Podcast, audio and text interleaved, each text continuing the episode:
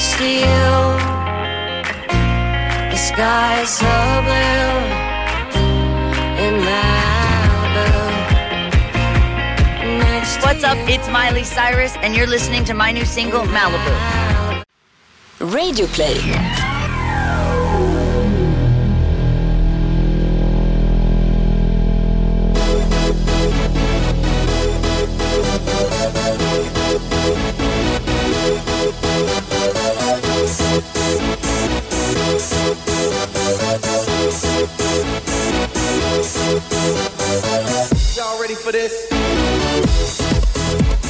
Hjärtligt välkomna ska ni vara till Toto Balutto. Jag heter Gusten Dahlin och mitt emot mig sitter min edsvurne parhäst Thomas Wilbacher. Hur är läget?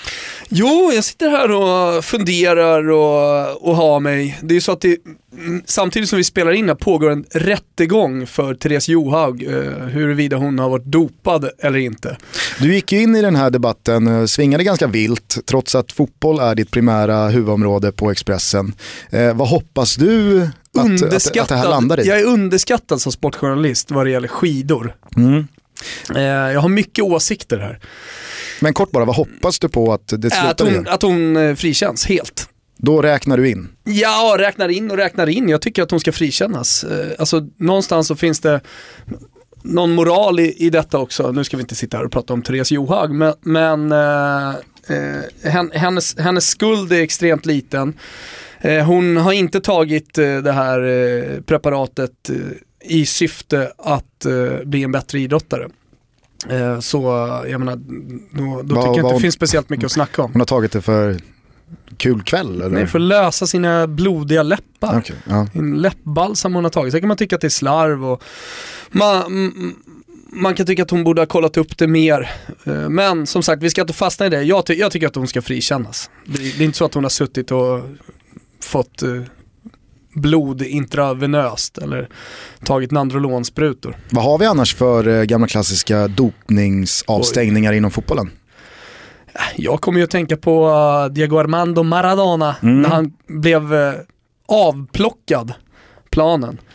En sjuksköterska kom in och bara ledde honom av. Otroliga bilder egentligen. Uh, Tänk om det skulle hända idag. Ska vi lyssna på hur det lät i VM-krönikan 94 när eh, SVTs eh, Albert Svanberg tror jag förutspådde att det här eventuellt var slutet på en av de störstas karriärer. Farväl, Maradona. Direkt efter Nigeria-matchen fördes han till dopingkontrollen.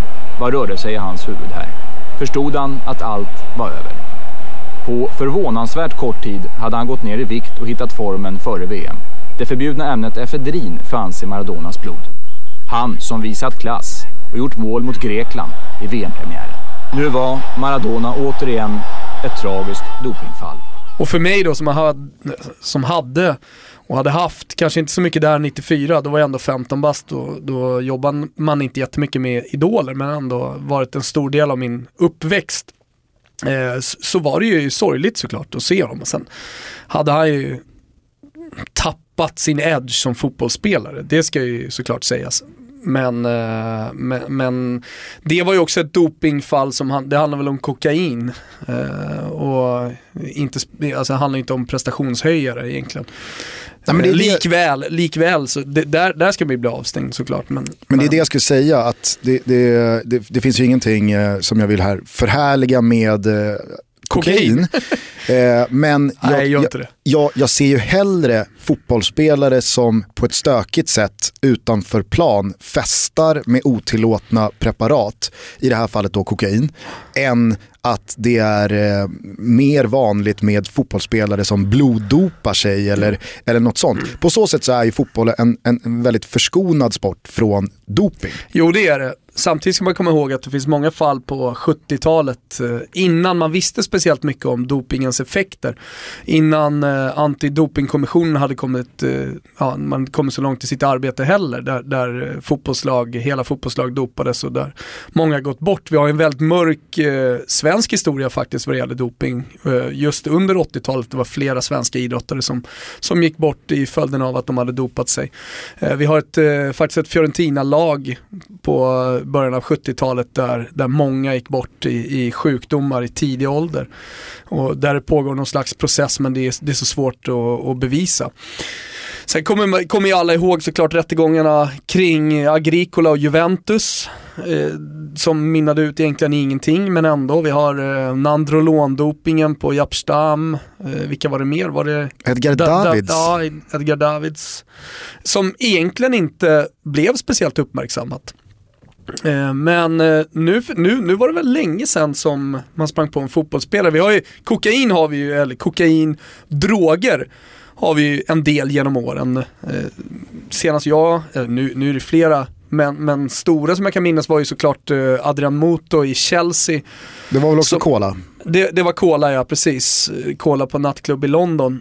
Och ett destruktivt leverne som för Motos del ändå fick honom på fötter. Han kom tillbaka till Italien och sen fick han ändå, kanske inte den här toppkarriären som många hade förväntat sig, men ändå en fin karriär. Och är omtyckt av väldigt många i, i Italien. Två svenska namn som dyker upp, eh, om vi börjar i det obskyra hållet så hade Brommapojkarna på 90-talet en forward som hette Jerry Månsson. Kommer du ihåg honom? Absolut. Han åkte ju för anabola. Han såg ju ut som, eh, alltså det var ju en, det var ju en gladiator. Ja. Otroligt muskulös. Ja. Eh, men eh, det verkade ju ha varit eh, fiffel i, i, i den kroppen. Eh, så att honom minns jag väl. Det gick ju mycket surr på snikläktaren där utanför Grimsta och inne på läktaren där folk stod, "Aj, Jerry, alltså, fan det här är inte bra alltså. Nu får vi bara lita till Perre Färm som var hans anfallskollega. Sen vill jag väl minnas att Magnus Hedman är dömd för doping, fast efter avslutad karriär. Berättade inte han om det i sin bok? Att han hade, eh, om det var anabol eller om det var dopingpreparat. Men jag, jag, jag vill minnas att han eh, har eh, dömts för, för doping, om än då efter avslutad karriär. Finns det fler eh, spelare eh, som har åkt fast för doping så är det ju bara att höra av många, sig. men klassiska.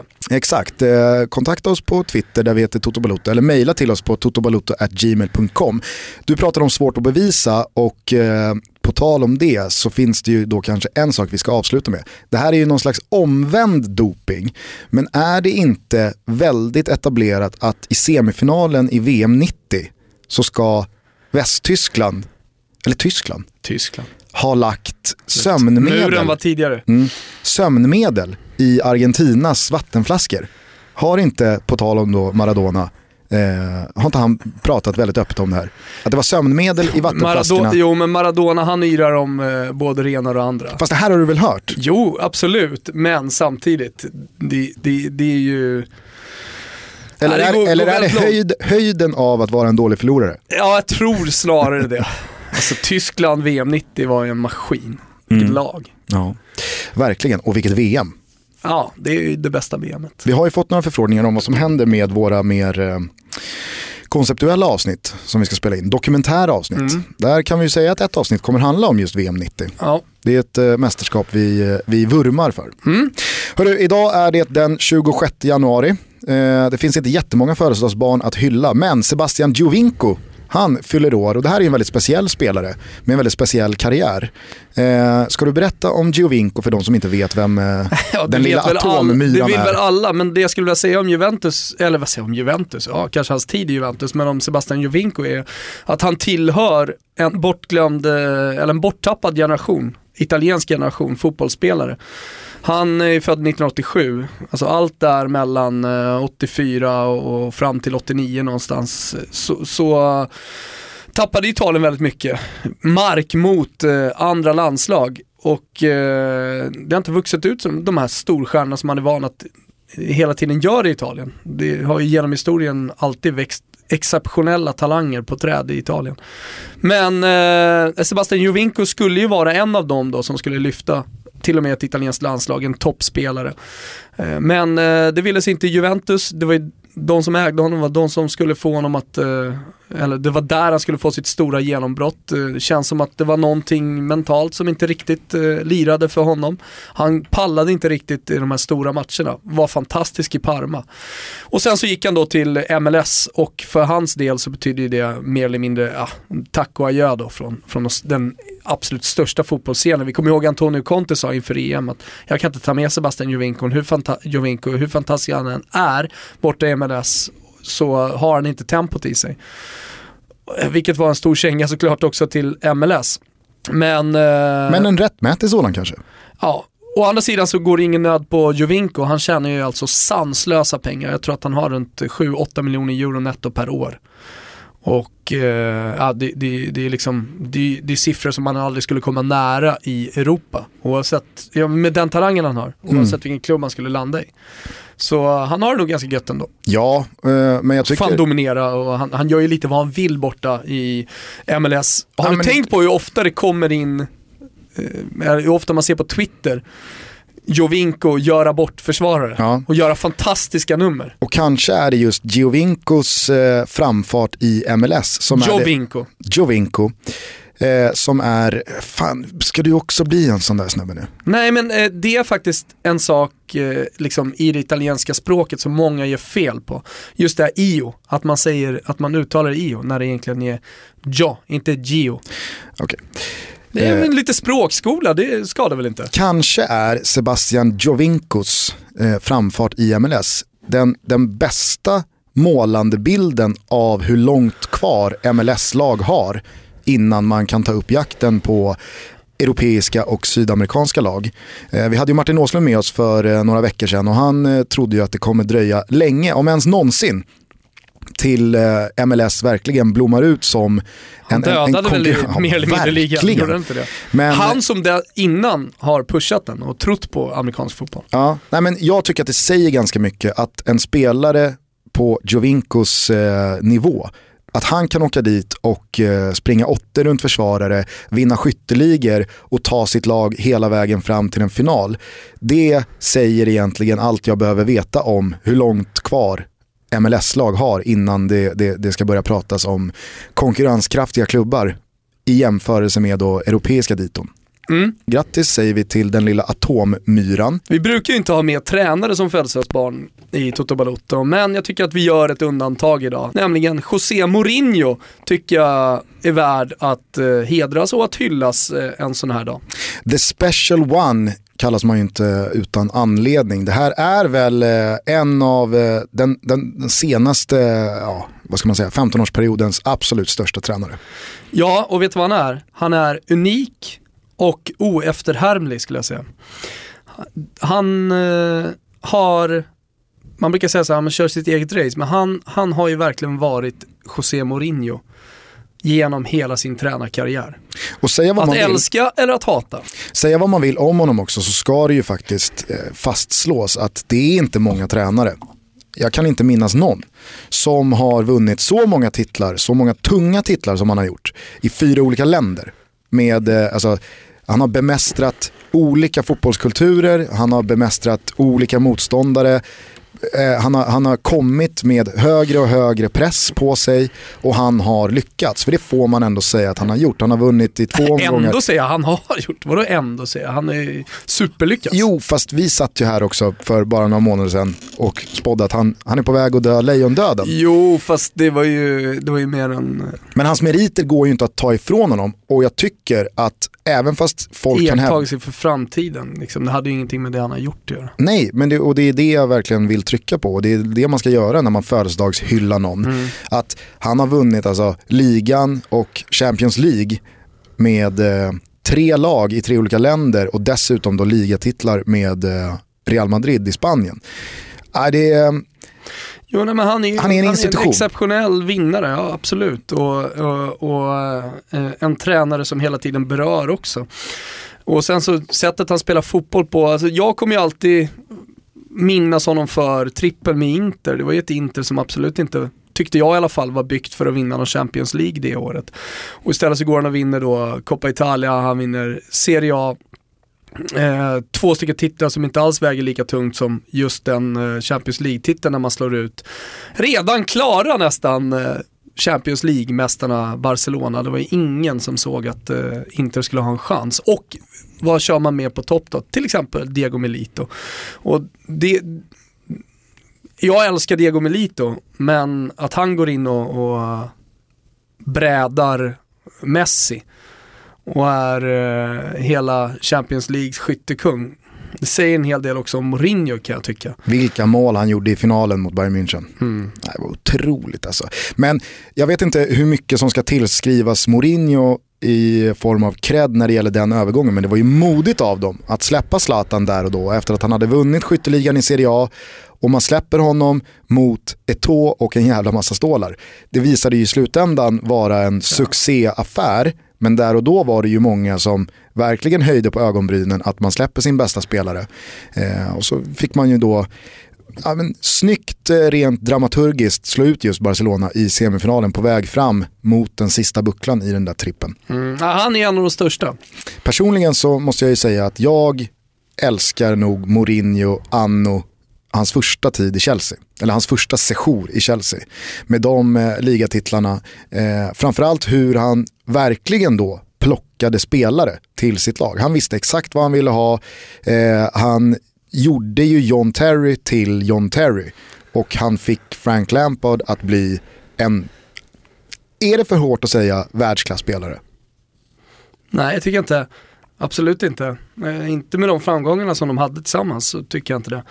Eh, och när han kommer till Italien då så, så är han ju hela tiden utsatt. Och han sticker ut hakan. Det som gör honom unik och oefterhärmlig, inte bara det han har lyckats med på planen. För där kan man ju jämföra titlar med Carlo Ancelotti och med, med, med andra stora tränare genom historien. Men just sättet han gör det på också. Eh, utsatt otroligt mycket och han var ju känd på den tiden som en tränare som hela tiden liksom tog sina spelare i försvar. Det har ju varit lite uppmärksammat nu på slutet att, att han faktiskt har nämnt eh, spelare i negativ bemärkelse i så här efter matchen intervjuer för det har aldrig hänt tidigare. Där har man inte riktigt känt igen honom.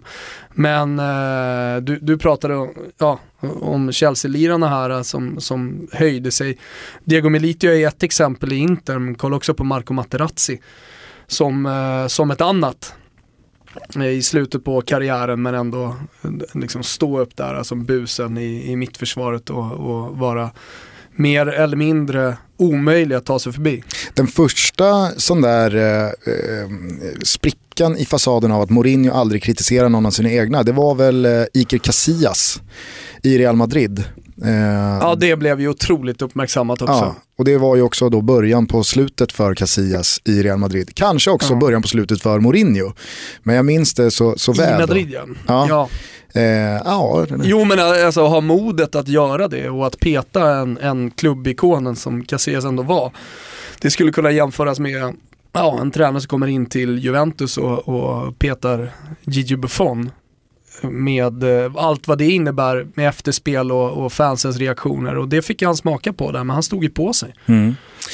Otroligt modig tränare. Ja, José Mourinho kan man såklart säga hur mycket som helst om, men eh, vi landar väl i att eh, säga grattis på födelsedagen till the special one. Auguri mister. Vi är såklart eh, sponsrade av eh, Betsson även det här avsnittet. Det är dags för ännu eh, två Toto-tripplar som kommer ut i samband med att det här avsnittet publiceras. Ni vet vid det här tillfället hur man gör också. Man går in och spelar 100 spänn plus avsnittsnumret på en av våra tripplar, kanske till och med båda.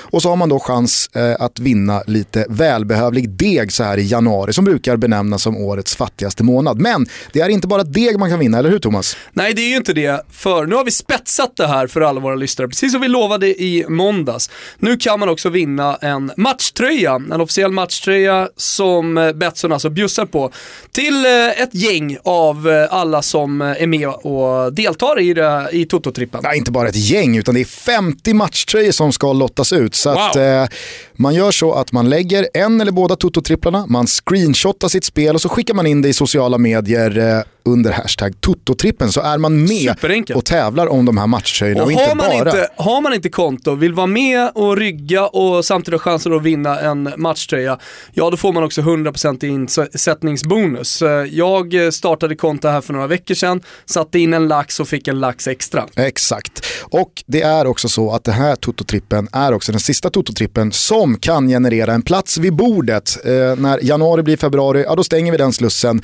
och sen så drar vi eh, två lyckliga vinnare som får käka en skaldjursplatå med mig och Thomas på Sturehof. Tillsammans med två polare också. Slår man jackpot då får man en matchtröja, man får en skaldjursmiddag på Sturehof tillsammans med dig och mig. Och man vinner också på Toto-trippen så man har vunnit pengar. Ja men det går ju inte att motstå. In på Betsson.com, rygga Toto-tripplarna under godbitar så ja, har man chansen helt enkelt på jackpot.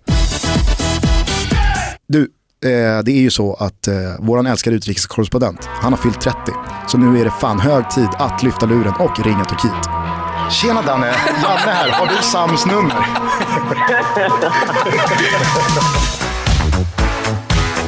Daniel Larsson dunkar in 2-0.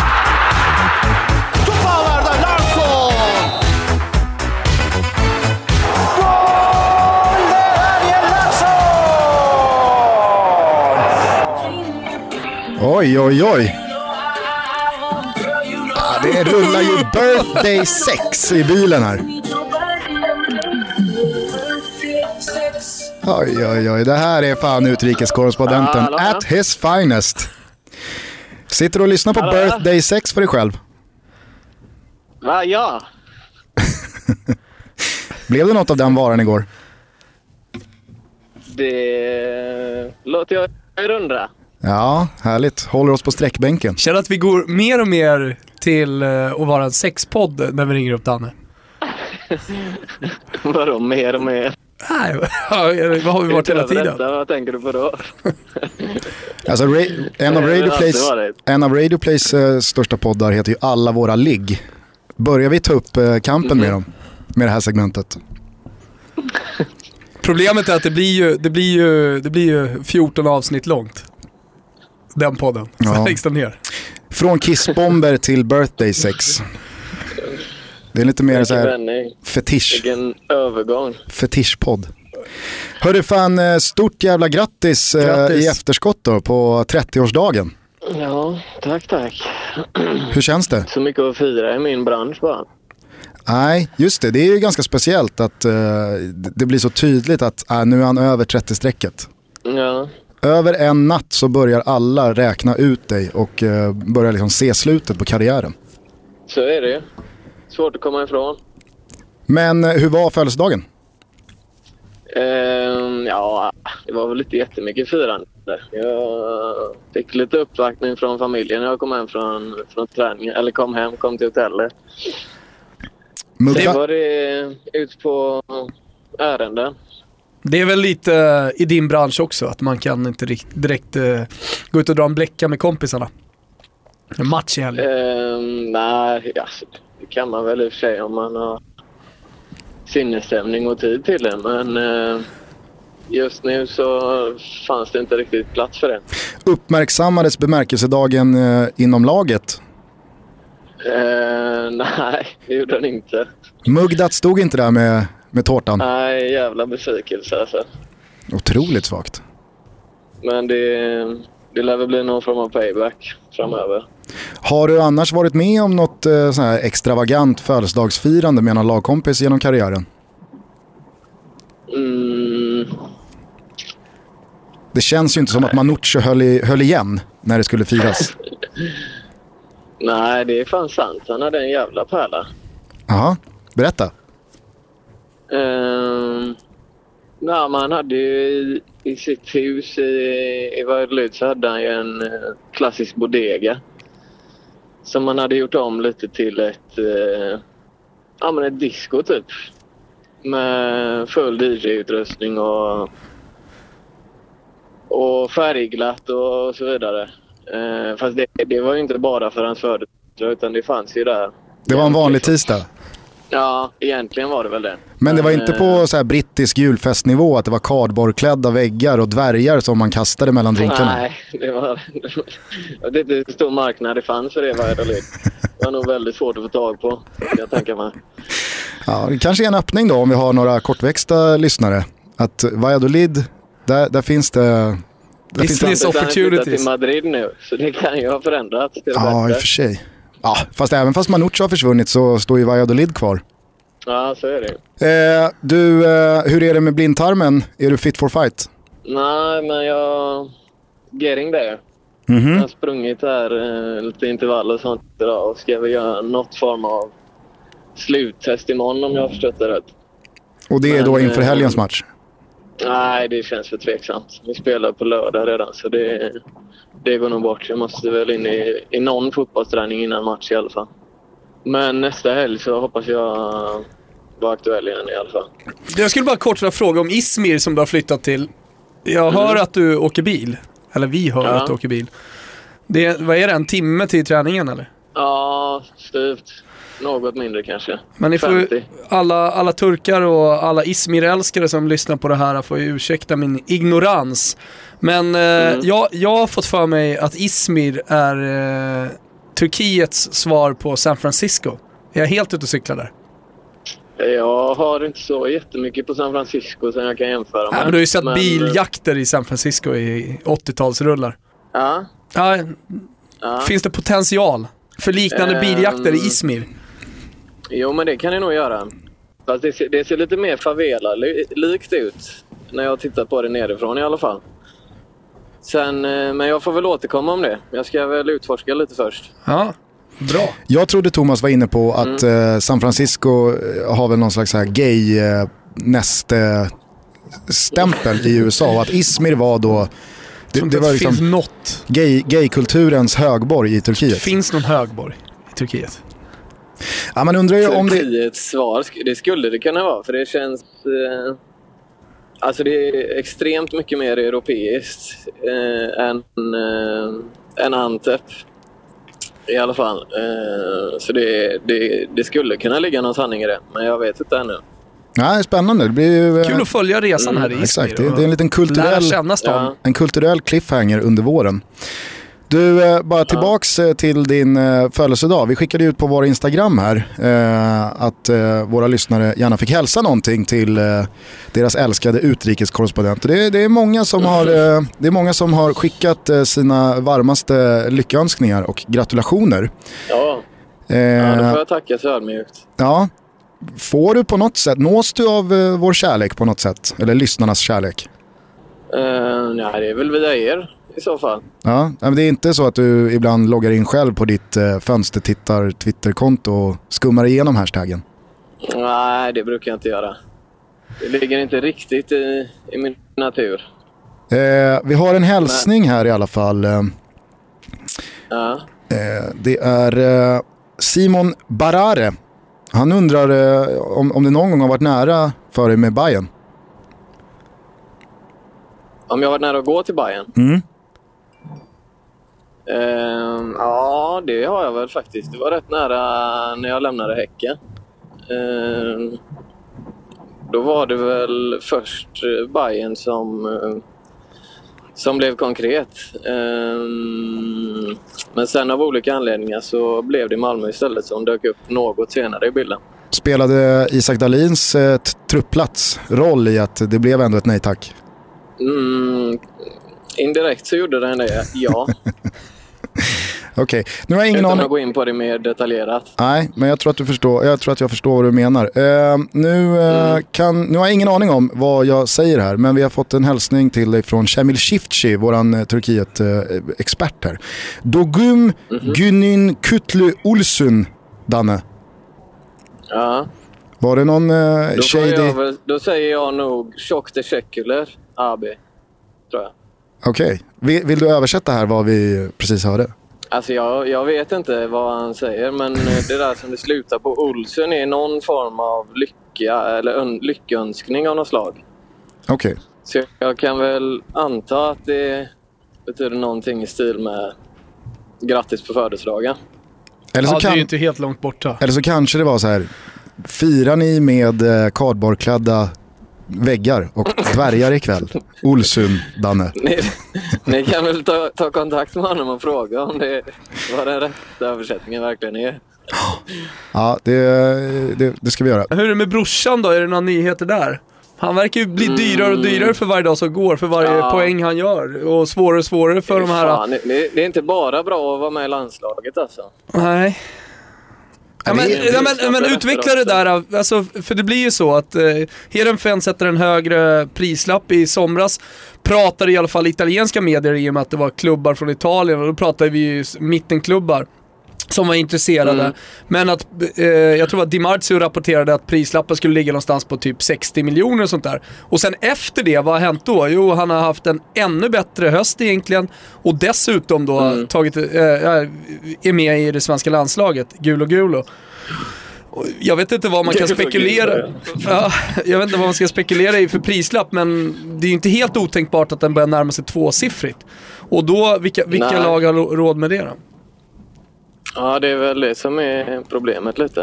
Ehm, jag tror att det är ganska nära tvåsiffrigt. Sen är det... Heerenveen är ju rätt kända för att ta bra betalt dessutom. Ehm, så det, det ska nog till något, något extra ifall det ska bli någon övergång för han här i januari tror jag. Men det där tror jag annars är en aspekt som många som följer den här eh, svängen glömmer. Att det behöver inte för ens egen aktie alltid vara uteslutande positivt att gå starkt i sitt lag. Alltså om du väl blir såld så är det ju det. För det innebär ju också att din lönenivå justeras uppåt. Jo, jo, absolut. Men, men i det här avseendet så kan det ju mycket väl vara så att prislappen på Sam, som har gått upp på grund av hans exceptionellt bra prestationer senaste halvåret, året. Du menar att han ska gör underprestera? Nej, jag menar bara att det kanske är det som gör att han blir kvar i Heerenveen ett halvår eller ett år till. Ja, det är en möjlighet såklart. Jo, men där han fortsätter Eller att prestera och där det här... Jo, men där det här priset, det högre priset också kanske landar. För någonstans så landar det ju... Finns ju också ett tak. Jo, så är det. Men eh, I okej, alla fall så länge du spelar i en sån typ av klubb. Exakt. finns det någon annan eh, spelare som eh, du, du eh, hör eh, att det rör på sig kring? Vår allas eh, Ragge, Mattias Ranegi. Blir det Udinese eller? Rodinese. Ja, det är väl eh, så vitt jag har förstått klart eller?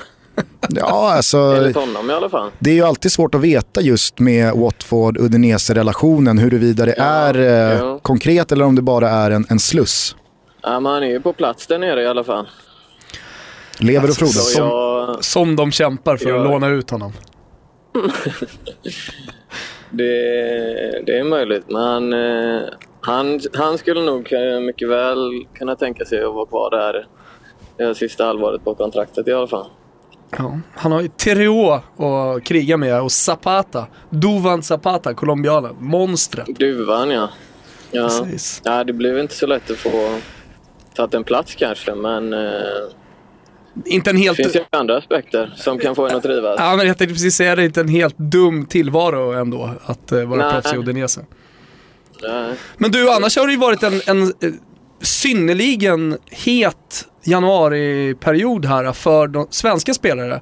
Viktor Claesson gick, fick eh, bra lön i Krasnodar och Krasnodar som spelar i Europa varje år dessutom. Ligger nära Svarta havet och eh, vad jag har förstått från Granen, en ganska trevlig stad. Knappa miljonen invånare.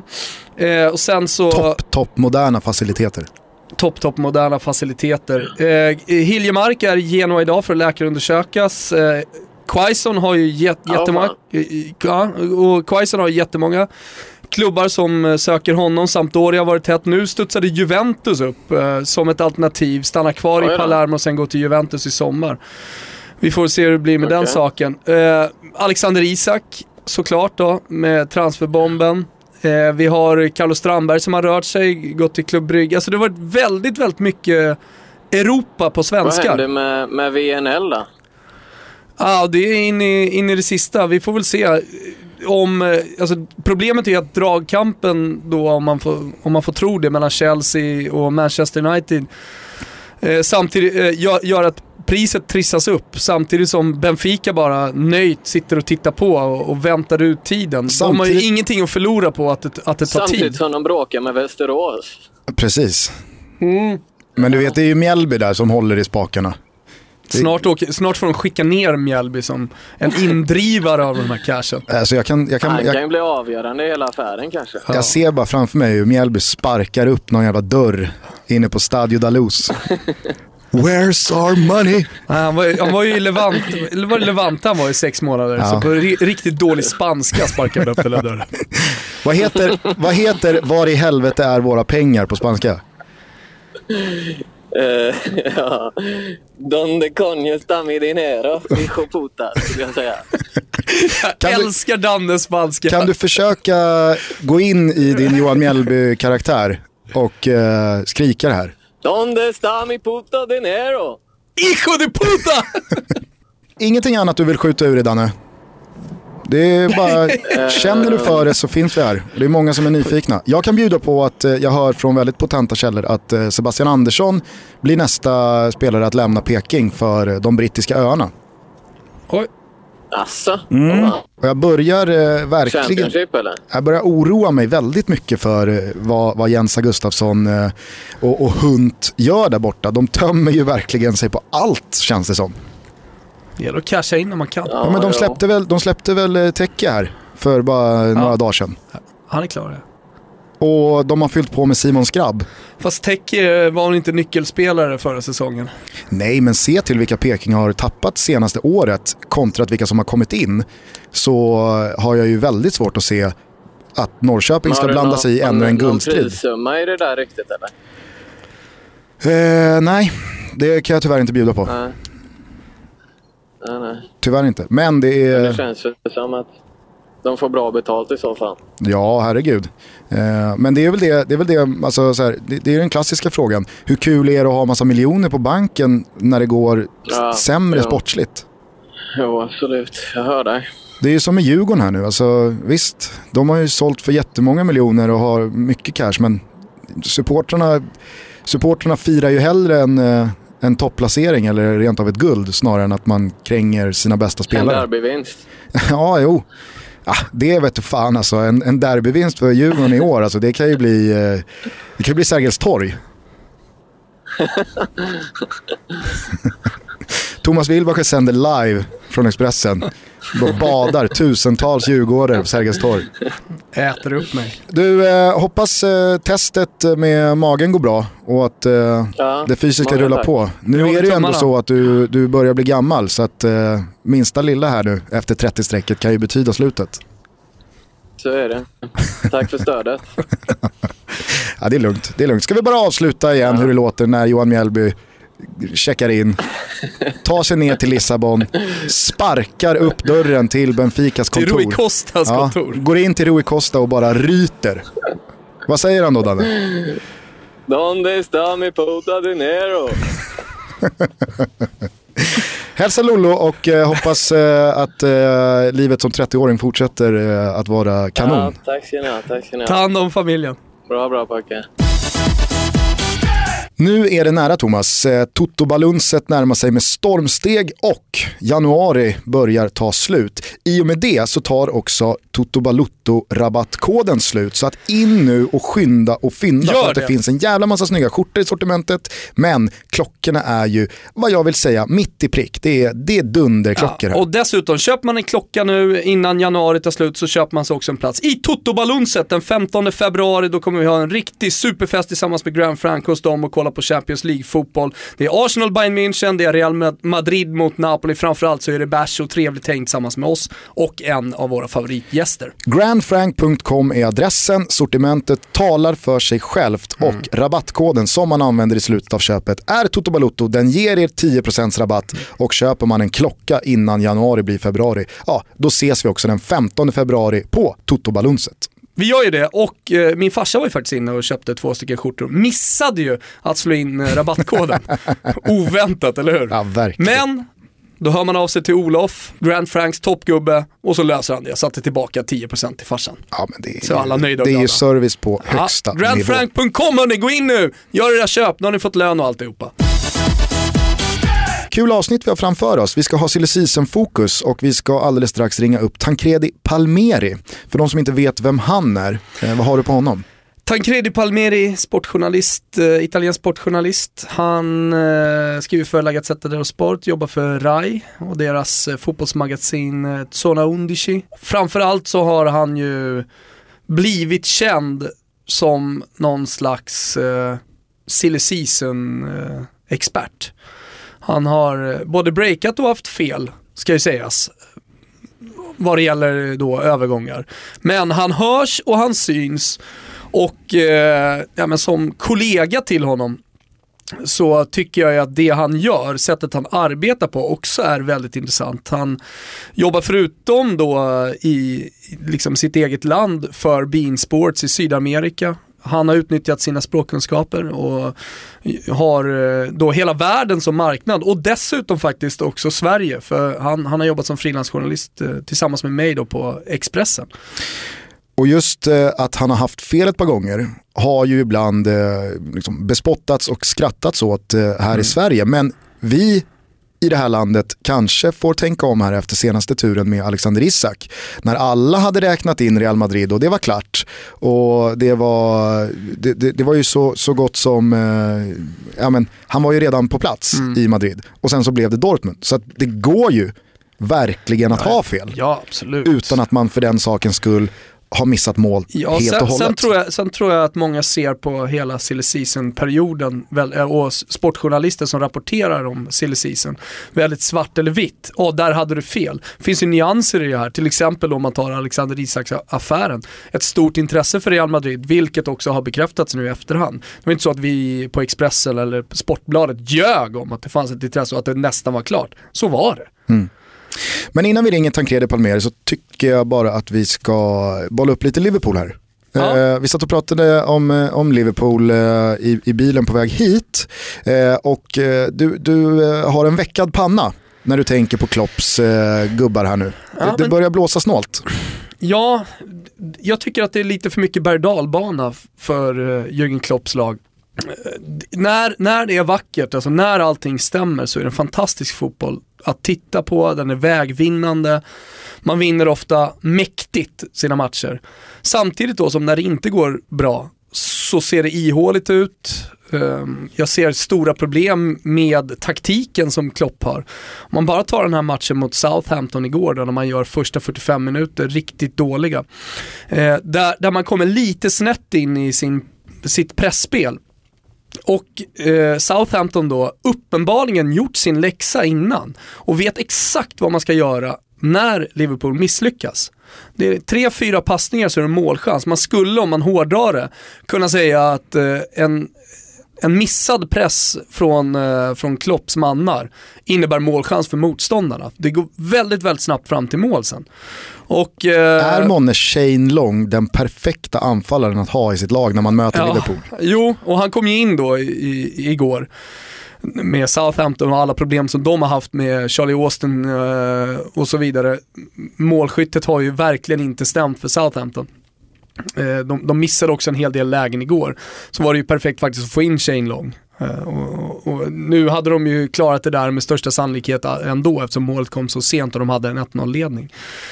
Men, men jag tycker i alla fall målet bevisa lite, nu kom det sent, det ska sägas, det är ett desperat Liverpool som verkligen måste göra mål och då, då blir det alldeles oavsett vilken taktik du har eh, öppet bakåt för du, du riskerar mycket framåt såklart. Men eh, det såg li, liknande ut även under första halvleken om man ser Swansea-matchen senast, eh, man släpper in tre mål på hemmaplan.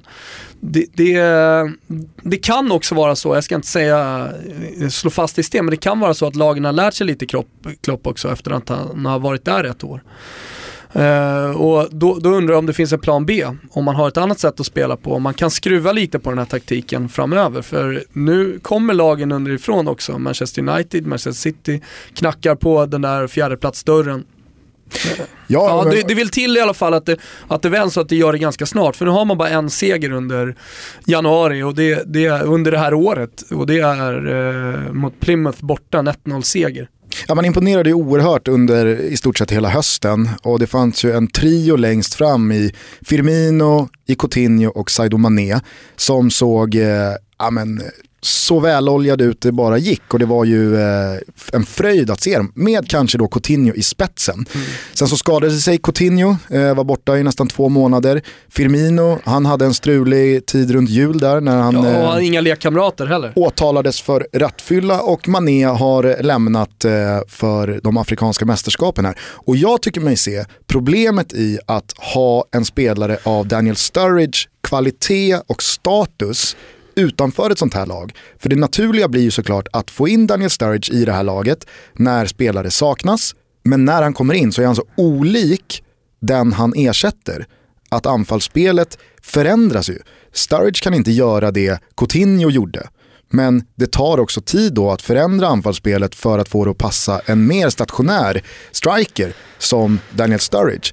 Eh, det, det ringar ju också in att en spelare som Coutinho då, man är aldrig immun mot en eh, en och en halv eh, månad eller två månaders konvalescens för en skada. I hans fall så är det ju verkligen uppenbart hur mycket, alltså hur tydligt man kan vara i toppslag och sen tappa det på grund av en skada. Men sen kan det mycket väl vara så att Mané kommer tillbaka, Coutinho får några matcher i benen och sen så blir det här ett vinnande lag igen och så sitter folk och rackar ner på min krönika jag skrev igår. Men jag tycker ändå att det är värt att uppmärksamma situationen som Liverpool befinner sig i just nu. Mm. Och sen absolut det här endimensionella som eventuellt finns då hos Klopp, att han har sin filosofi, men vad händer när folk börjar läsa den? Ja, och eh, sen ska det också sägas att det var en titelchans som försvann igår. Försvann igår. Och eh, det är en titelchans också som har försvunnit under januari. För när man vann mot Manchester City, då tror jag det var väldigt många som såg Liverpool, det gjorde man på nyårsafton, knappt en månad sedan. Då var det många som såg Liverpool som den stora utmanaren till, eh, till Chelsea. Nu eh, har man väl mer eller mindre räknat bort dem. Och säga vad man vill om ligacupen, hade man tagit sig till final och väl där slagit Manchester United, som vi väl ändå tror tar sig dit eh, och tar sig förbi Hull i sin semi, så är ju det inte någon bullshit-titel. Nej, det är, det är klart att det inte är det. Det är eh, 0,5 eller 1 poäng eh, högre i säsongsbetyg på en 10-gradig skala Mm. till laget. Ja, det blir spännande att följa Liverpool. Det är ju ett eh, lag som onekligen engagerar här i Sverige. Hur går det med vår Liverpool-vän som vi har lovat? Äh, det är ju Viktor Fagerström. Va? Eh, han är ju en superduper eh, kille att följa om man gillar Liverpool eller på något sätt vill ha koll så på här Liverpool. 50 000 följare Ja, någonting. Mm. och det är inte några liksom, sponsrade ryska konton som han har köpt. Utan nej, han, han har verkligen jobbat för det där. Jag tror att jag hoppade på eh, Viktors tåg när han låg på en eh, 8-9 tusen följare. Eh, Okej. Och det är bara ja, men, ett och ett halvt år sedan eller någonting. Väldigt bra. Vad är hans edge då? Händer det någonting kring Liverpool så twittrar han om det. Eh, och han twittrar fakta, han twittrar citat, eh, han twittrar även kring varje match. Men framförallt då väldigt mycket liksom, har någon gett en intervju, har det varit en presskonferens, har det dykt upp ett rykte, har det hänt någonting i eller runt Han eller är, kring han är som en klubben? slags eh, Liverpool-redaktion. Alltså exakt, det är en enmansredaktion som bevakar Liverpool bättre än någon annan. Det får vi väl fråga honom när han kommer hit, men jag är väldigt angelägen om att sätta honom i stolen bredvid Han är oss. varmt välkommen. Men följ honom på Twitter, han heter Viktor Fager LFC. Viktor med K. Eh, väl värt en follow. Du, eh, ska vi kanske ringa upp vår vän eh, Tank the, the, the, the, the man? Ja, vi ringer, vi ringer upp Tancredi Palmeri. Ciao! Ciao bello, come Ciao, tutto bene te? Mi vedi? Tutto bene, guarda che sto uscendo dalla doccia. Ah, sei a torso nudo? Eh, sto uscendo dalla doccia. Che bello. Possiamo vedere tutto? Com'è? Possiamo vedere tutto? No, vedi c'è l'accappatoio, aspetta, vedi c'è l'accappatoio. Uh, so let's uh, let's let's speak. Uh, let's talk about uh, calciomercato, the, the, what what has happened and uh, what's going to happen. I think Gusten has some. Uh, Yeah, first of all, first of all, a very warm welcome to Tancredi Palmeri. Thank you guys, thank you. We have catched you in the middle of the uh, semi-final in the Australian Open. Exactly, exactly. At the moment, uh, from the, when they will, uh, when they will, uh, when people will listen to this, uh, uh, Federer is up five-two at the fifth set in this moment. So if you hear me screaming, uh, you know why. And you are so nervous that you have taken your shirt off. Uh, no, no, no. That was because uh, you call because you are because Thomas uh, has taken uh, all the bad things from being Italian, which means being uh, late. So as you were late, so I went to take shower to to to just to to, to wash off all the tension. Ah. I'm speaking with you. I see. Uh, this is uh, the end of January. As always, a very hectic uh, period of time in your work. Uh, what's happening these days for you? No, but I have to say that uh, this January hasn't been uh, that hectic. Only a couple of days. Actually, one of the couple of days was yesterday when uh, the situations about uh, uh, Niang, uh, when the situations about Evra, and some few others were developing all of a sudden all together. But to be honest, um, we had uh, probably one day, couple of days at the beginning of January with all the Chinese fever happening uh, and with. Um, and with the Inter signing uh, of uh, Gagliardini for 22 millions happening, and then to be honest, everything was uh, extremely smooth, extremely slow. If you look around, actually, not so many things haven't happened. Nothing in Spain, almost nothing in England, nothing relevant. I mean, uh, pretty nothing in Germany. Uh, only Paris Saint Germain has done uh, two things very consistent, but to be honest, they been uh, with, with couple of uh, blitz operations. So they just snapped Draxler and Geddes uh, in uh, 24 hours. So there wasn't even that much drama. Do you think uh, this will last the entire week, or do you expect uh, something to happen these last days? I think that what has happened yesterday, it's already 50% of the things that will happen. It's already Thursday at the moment, as we speak. So you have also to remember that in the weekend, uh, uh, during the weekend when the games goes on, when the action starts, the situation is always pretty blocking. The last 48 hours, there will be, as usual, uh, even more because it was very steady. It will be something to, to keep an eye on, especially the second last day, more than the last day. In Sweden, we have talked uh, uh, a lot about uh, the Benfica defender, Swedish uh, player uh, Victor Nilsson Lindelöf. What do you hear about him? Uh, wait, you must repeat because maybe it was some uh, Federer shot that went in, uh, in the middle with your question. okay, in Sweden, uh, we've talked a lot about uh, Victor Nilsson Lindelöf. Uh, Benfica from, player. Yeah, Benfica and the Yeah, Swedish yeah, national Lindelöf, team. yeah. What do you hear about him? Well, uh, Manchester United was interested. That is not a secret, uh, obviously. Um, and obviously, it was keen to move there. But obviously, Benfica and Portuguese teams, also because Portuguese teams are basically most of all under uh, the, the same agent, uh, which is not an easy agent. Uh, they were uh, keen to make the most uh, of his move, obviously, and so they worked for a contract extension with him only to get the, m- the most possible money from Manchester United. The contract extension still hasn't happened, but anyway, that has worked to slow down the uh, negotiation with Manchester United.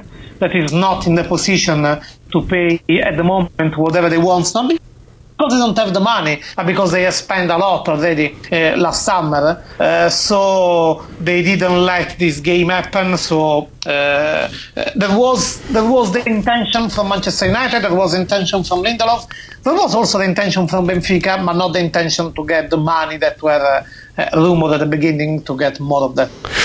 Uh, listen, Tank, in Sweden uh, we have followed the move uh, of Alexander Isak first to Real Madrid and then uh, in the end he went to Borussia Dortmund, which seems as a good step for him because Yeah. uh, the Germans um are really keen to uh, play with youngsters. Uh, I I know you you got some SMS from me. I've asked about uh, the, the transfer, uh, but uh, in Sweden it's a big thing. How has it been internationally? You follow a lot uh, the Spanish media. You follow the Italian media, of course. Uh, have have Alexander Isak the hype around him that is in that is in Sweden has it, has it also gone international to you? No, wait, we can't talk about the same hype, uh, obviously. Of course not. Uh, there, there is a, a meanwhile uh, Federer got three match points. Sorry for mentioning that. Uh, we can talk about the same hype. It has been mentioned in uh, Italy. It has been mentioned in Spain. In Spain, uh, it has been mentioned more when he was close to Real Madrid than when he signed for Borussia Dortmund. Not because it was, it was only a Real Madrid news, but because in Spain, when then Real Madrid is not uh, making uh, uh, making out from something we are close to, they tend to tell the story in a different way, or anyway to put more in the shadow the success of someone. Roger, ma vieni! Yes, yes. But you know he's from- the final. He's from the other other side of the Alps, Tank. He's not No, Italian. no, grande Roger. Okay, sorry. So Uh, Roger Federer just uh, he went to the final of uh, Australian Yeah. Open. Yeah, 6-3 at the fifth set, mamma mia, grandissimo. Um, so what I was telling. So Isaac. Uh, We have some listeners, yeah. Tank, that wondered if uh, there was any uh, any any real interest uh, in uh, Alexander Isak from any Italian club. No, no, no, no. F- from Real Madrid, you said? no, Italian clubs. No, actually no. Actually no. I mean, uh, no more than the normal scouting and monitoring, but not any uh, proper uh, uh, bid or proper move in that way. To be honest, Um they are clubs are scouting many players, so we can talk about uh, uh, can be compared to the other interest. Um, and there was. The hype wasn't the same internationally, but but it was anyway. Uh, the, the news anyway popped out around. I believe also, especially because uh, this move uh, in some way echoed the move of uh, uh, Dembele uh, to Borussia Dortmund in last summer. You know, when people had the suspect that Dembele was good, they saw Borussia Dortmund uh, uh, scooping him from everybody, uh, uh, from everybody else, and then they realized this summer, this season, that it was a great move, and so. Probably there was uh, there, it was paired in the, in the same way that if there is the same attention. Also, probably compared to what happened with Pasalic, another one that everybody was talking about. Borussia Dortmund signed him, and then it was exactly good as expected. But speaking of Swedish players uh, interested from uh, Italian clubs, uh, we saw last night rumors about uh, Juventus and uh, Palermo player Robin Quaison. What can you say about that? Which was Yeah, uh, was strange for us to hear, uh, you know, Watford, uh, Birmingham, Sampdoria being interested, and then all of a sudden an interest. I think it was Gianluca Di Marzio who who gave the news, or Sky Sports, anyways, uh, of Juventus. That that that that sounded strange. Yeah, you know, Palermo is is really cashing out uh, Everything now. whatever they can uh, before. Yeah, yeah, before being relegated because they don't have so much quality in the squad, and they sold uh, Iliemark. Uh, maybe we'll talk about that later. And uh, and then Quaison uh, is uh, there up front uh, to in the line to be. sold. Uh, Juventus wasn't at the beginning interested, but the uh, prices at which Palermo is selling, the one of Illemark was ridiculously low, ridiculously low. And same for uh, Quaison. Uh, so uh, made Juventus uh, think that could be a good option uh, for few money and maybe to loan him out. In the end, uh, they did uh, uh, think about the operation they did with Kingsley Coman. uh, They took it for nothing, and then they cashed out um, 22 millions uh, uh, from Bayern Munich. So Juventus wasn't at the beginning interested, but when they saw that Palermo anyway was uh, uh, preparing a move like this, they said, uh, "Yeah, it could be a good business." Now let's see how it's gonna develop. I. It would be strange if they would uh, sign Quaison to keep him. Maybe they could sign him and then loan him to Sampdoria, actually. But let's see. But Tank, are you certain that uh, Quaison will leave this window? Well, certain no, but the intention is that Palermo is really like selling. Uh, uh, I don't know what it's called in English. Uh, in Italian, is a liquidation when you are shutting down your shop and you are just making out the money, um, making out the, the most money you can. Utförsäljning. Sell. Utförsäljning, Tank. Ut for, ut for selling. This Ah, Swedish or bravissimo. English? Swedish. But is Quaison the Swedish So, player yeah. with the highest Yeah, uh, status? So, mm, I would say Hiljemark. To be, I would say Ilimark as well, to be honest, yes. Because anyway, Ilimark uh, did uh, a solid uh, season. Quaison uh, had, uh, s- in the end, uh, always came in and out from the game. So there hasn't been, uh, I would say, uh, a consistent uh, whole season to judge him. I think also, Tank, uh, maybe you're with me here, uh, Gustin, you can say what you think, but uh, Quaison has actually had a really good period under uh, the coach Corini, and he has actually put him closer to, to the goal, and he has also scored some goals, and he has maybe had his best month in his whole uh, period in Palermo. So it's a good timing also to sell him when it's uh, a small hype around him when he has had a really good period and with only two weeks left of uh, one week left of uh, Calcio Mercato. Yeah, but if you believe in the player, you could sell him even for uh, more. I mean, if you, I know I'm, I'm it sounds nonsense, but he, he could have just kept Corini, who actually was giving uh, the uh, space to Quaison because before what was happening, Palermo basically was playing uh, 4-5-1 with only one uh, forward up front that was Nestorowski.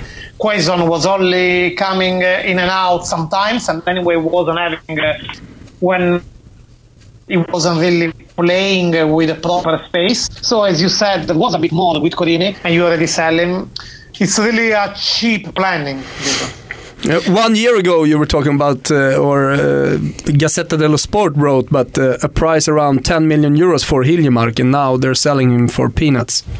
Yeah, uh, literally, literally, two millions and a half of euros nowadays. It's peanuts. I mean, a whatever average young uh, midfielder is valued six, seven millions, and this is young and is not average, and has played one very good season, and has won uh, a Euro under 21 with Sweden. So there is there are all the details to be at least valuated eight nine millions. So Interesting, uh, you're mentioning under 21 uh, euros. I knew, I knew, because people can see. But while I said under 31, uh, you did your uh, even look like thing. Now I will ask about Biscotto and Sweden. But uh, Tank, another question. We have a member of this podcast, uh, Akisar uh, player Daniel Larsson. Uh, his younger brother Sam, who's playing in Heerenveen and the Swedish national team. We heard a lot about him, surrounded by rumors from Atalanta and Sassuolo this summer. And again, uh, some of these rumors uh, they, they they tend to uh, to go um, to go wide again. They're hot again. Do you hear anything about Sam Larsson? to be honest, uh, my the last one, last time I heard about him was exactly when Sassuolo, uh, I believe, was last August. Yes, Uh, exactly. Yeah, They was, couldn't uh, match the the transfer sum was around six millions. kind of. Uh, yeah, he's still at Arenberg, if I'm not mistaken. Yes, right? exactly. Yeah. Um, yeah, no. The, to be honest, recently I didn't hear. I don't even expect uh, uh, Sassuolo to make a move. Even if you know, if if they would sell uh, Defrel to Roma, as it is rumored, for 18 millions, who knows if maybe would make another move. But Sassuolo has been very strange, very weird this season because they they talked about uh, a project that wanted to increase, uh, and they went to Europa League, so they definitely needed to to improve their investments. Instead, they just sold uh, without practically signing anybody, and now they've been kicked out of that because not because they played bad, but because they had a short squad. So, to be honest, if they didn't spend in summer, I don't expect them to spend in January. No. Okay, moving on to the bigger stage. Uh, what, what would you say? Which club in Europe do you think needs to uh, do something? Uh, you are asking me need, or you are asking me will? I'm Both. asking. Uh, I'm asking both. Okay, uh, need, uh, I believe, uh, no doubt, uh, Manchester City. Because in spite of having uh, spent a lot uh, uh, last summer, but they had spent uh, for the future, not for players that are already ready. So they basically need uh, at least two or three players for the starting 11, at least one uh, defender. But unless you splash a lot of money at the moment, they won't be able. And will But uh, before before you before you say will, do you uh, do you hear anything about any player to Manchester City? No, because the thing is that the thing is that uh, that Guardiola to be must be recognized to him that is not the kind of uh, uh, every manager is mourning when things are going bad. Uh, Guardiola is not different uh, from the others, but it must be recognized that differently from the others, he, never used the, January windows uh, for some uh, panic buying, to be honest. So neither is uh, now, and would be bad, you know, from his side uh, uh, to do it now that is going that is that, is not going good. So uh, to be honest, nothing particular. There was maybe a contact uh, for uh, uh, Gulam, the Napoli um, fullback, but nothing really concrete. While the one that will, well, considering that Paris Saint Germain was the one that uh, for sure would have done a couple of signings and they had already, uh, I would say Roma. I would say Roma because whether that would be the Frel with 18 millions or uh, someone else because the Frel doesn't go through, but I believe it's the only one uh, that in the next days we will see doing a signing in the in the region of uh, at least 15 millions of euros. What can you say about uh, Wayne Rooney and uh, the rumors about him leaving Manchester United with the Chinese fever? And uh, we hear a lot of uh, things in Sweden about uh, Antoine Griezmann replacing him. Uh, not Rooney leaving now. Is not leaving from the from the exit door. Someone like him. Uh, I I wasn't able to find out yet what has been the wages offered to him, but yes, he was contact to leave. Uh, depends from what will happen in the rest of the season if to leave in summer, because in the end Rooney is ambitious, and in the end. Uh, it's already a lot of season he hasn't win anything so i don't think he wants to leave in this way and if manchester united is back to champions league i believe he might put on hold china at least for one year more to play at least one more champions league with Mourinho if ibrahimovic stays one uh, one season more uh, so I- as, as I said, I don't know exactly the wages has been offered to him. Yes, there has been the contact, but uh, I believe that uh, I believe it. I believe he will wait a bit yet. But- While Griezmann is uh, the next big thing that will move the, the transfers, uh, whether that would be uh, Manchester United or whether Inter will make an incredible uh, move or whether Milan will with the new Chinese, but I believe will be the, the big one. And especially if Simeone will leave, which is not certain anymore, by the way. But yeah, Griez- Griezmann will uh, will definitely make alive uh, the next window. It was uh, a big thing with uh, Diego Costa a couple of weeks ago in Chelsea. Uh, it was him uh, arguing with uh, some of the coaches in the staff, and uh, we could we, we read about him being offered a, a huge contract in China, but now he's now he's staying. If if everything is what it is or seems like it is, what did you hear about that? The thing is that uh, they offer him uh, some ridiculous wages as well, although not record, 30 millions of euros. Well, we are already questioning if it is not enough, 30 millions of euros per year. Uh, Diego Costa on one side was extremely tempted by that. Mendes went to China and met with Tianjin. Uh, at the same time, Diego Costa got the temperament, so it's particularly not standing uh, Conte remarks when and Conte is never saving uh, uh, tactical remarks to him. Uh, let's say that the situation uh, all uh, plot together for a fallout, but in the end, uh, Chelsea was able to convince him to stay at least six months more. I don't know if they will be able uh, to stay even next season. And you know, even Chelsea, if, the, if Diego Costa leave, even Chelsea could go on Griezmann, even if they are completely different player uh, with Diego Costa. But at least they were able to convince him to stay six months more. Although to convince him to stay even next season, uh, that will be more difficult. 30 millions is is is a lot. Do you It's- think, uh, if Do you Yeah. think Griezmann could be a, a replacement for Costa? No, as I said, the moment that Chelsea, well, first of all, Chelsea have already cashed out uh, a lot of money with Oscar. Um, Yeah, but I mean uh, this summer. Yeah, yeah, yeah, I know, I know, but they cashed this money and they didn't spend this money. So uh, it's, it's not like uh, in six months money disappearing.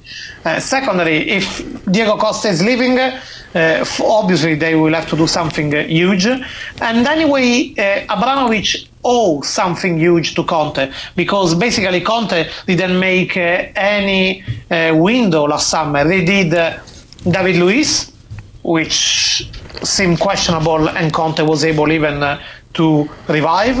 They made Batsuyashi, which it's what is like of the Manchester City signing, something for the future, more for the present. So Conte didn't really ask uh, anything, also because he was new at the club. He couldn't, and he wasn't coming with a European pedigree that could allow him uh, to um, uh, boss at Chelsea. But if he if he brings the Premier League, Abramovich owes him an important window. Tancredi, you will appear in Expressen's uh, uh, in Expressen's deadline day web TV. So the Swedish listeners to this can tune in to Expressen. Do you have anything to say to to to the Swedes? It's so unfair that Expressen didn't send uh, Thomas Wilbacher to Italy again, but not because of him, because they are always uh, sending uh, some very nice camera woman with him, and it's always a pleasure to walk, not beside him, but in front of the camera woman. Of but course. what we can do, what we can do, what we can do. Tancredi, before we say goodbye, we have uh, one or two questions from our listeners. Uh, Yeah. Cemil Chifchi, he's wondering about uh, Mandzukic. Uh, he's, he claims that uh, Besiktas uh, was really close for him, but Juve said no. There was a contact, but uh, just a contact, uh, nothing special. Uh, Juventus is not thinking, uh, not even by far, to to get rid of Mandzukic. And if that uh, Mandzukic, I, I, honestly, I, I struggle to believe that he would leave Juventus to go Besiktas. And while the contact from China was consistent, even if Juventus turned down immediately, well, obviously, but Mandzukic too was serious about that, didn't give room to that. But, for example, that is another uh, situation that in summer might change. Okay, Tank. We always end with our guests uh, choosing a song to go out to go out on. I don't know about that. I think that's a Swedish expression. Ah, Go okay. out on. Ah, okay. Take this in English then, Gu- Gusten. Yeah, Tancredi, uh, let's choose uh, your favorite song to end this episode with. My favorite song ever? Yeah, you can choose uh, whatever song you want. Oh, that's a that's a very complicated question. Maybe a song uh, that is within you at this moment uh, after the shower. Maybe a song that you sang in the shower just five minutes Okay. ago. I can tell you uh, if Swedish um, if Swedish uh, uh, people want to get keen about that. That probably the most beautiful song at the moment in Italy. It's called uh, La Verità, the truth, and it is from this young author. It's called uh, Brunori S.A.S. Brunori S.A.S. La Verità, the truth, is magnificent. Can you sing it just a little bit for us, please? La Verità! Okay, that's enough. Okay, thank you so Okay, much, Tank. Thank Ciao. you very much. See you on deadline day. Okay, see you guys. Ciao, ciao. Ciao bello. Då gör vi så att vi tackar Tancredi Palmer för att han var med i det här avsnittet och så, så avslutar vi eh, med hans eh, väldigt spännande låt. Det här Ja. blir ju intressant La att lyssna på. Superproducent Kim Wirsén rullar igång den. Du och jag blickar framåt mot en matig helg och sen så hörs vi igen i början på nästa vecka. Det gör vi. Ciao tutti. Ciao tutti! Te ne sei accorto sì che parti per scalare le montagne e poi ti fermi al primo ristorante e non ci pensi più. Te ne sei accorto sì che tutto questo rischio calcolato toglie il sapore pure al cioccolato e non ti basta più. Ma l'hai capito che non serve a niente mostrarti sorridente agli occhi della gente e che il dolore serve, proprio come serve la felicità.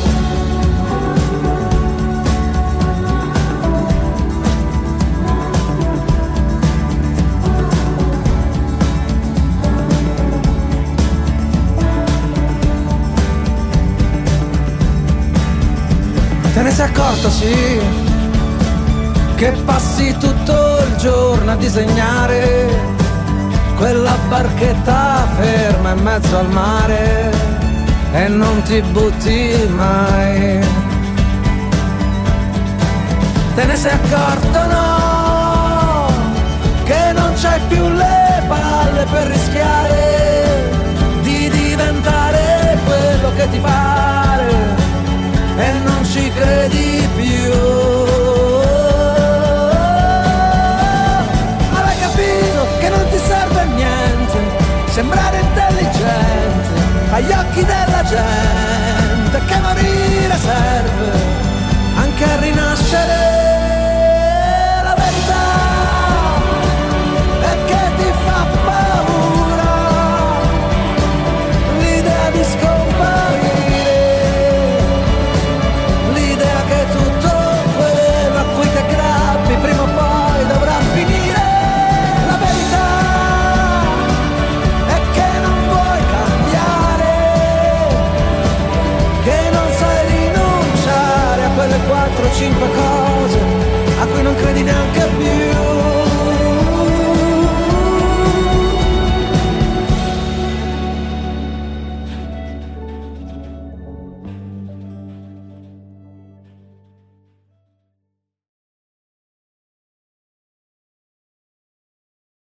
And in this podcast, we must ask you, Tank, uh, what do you think will happen with uh, Domenico Criscito?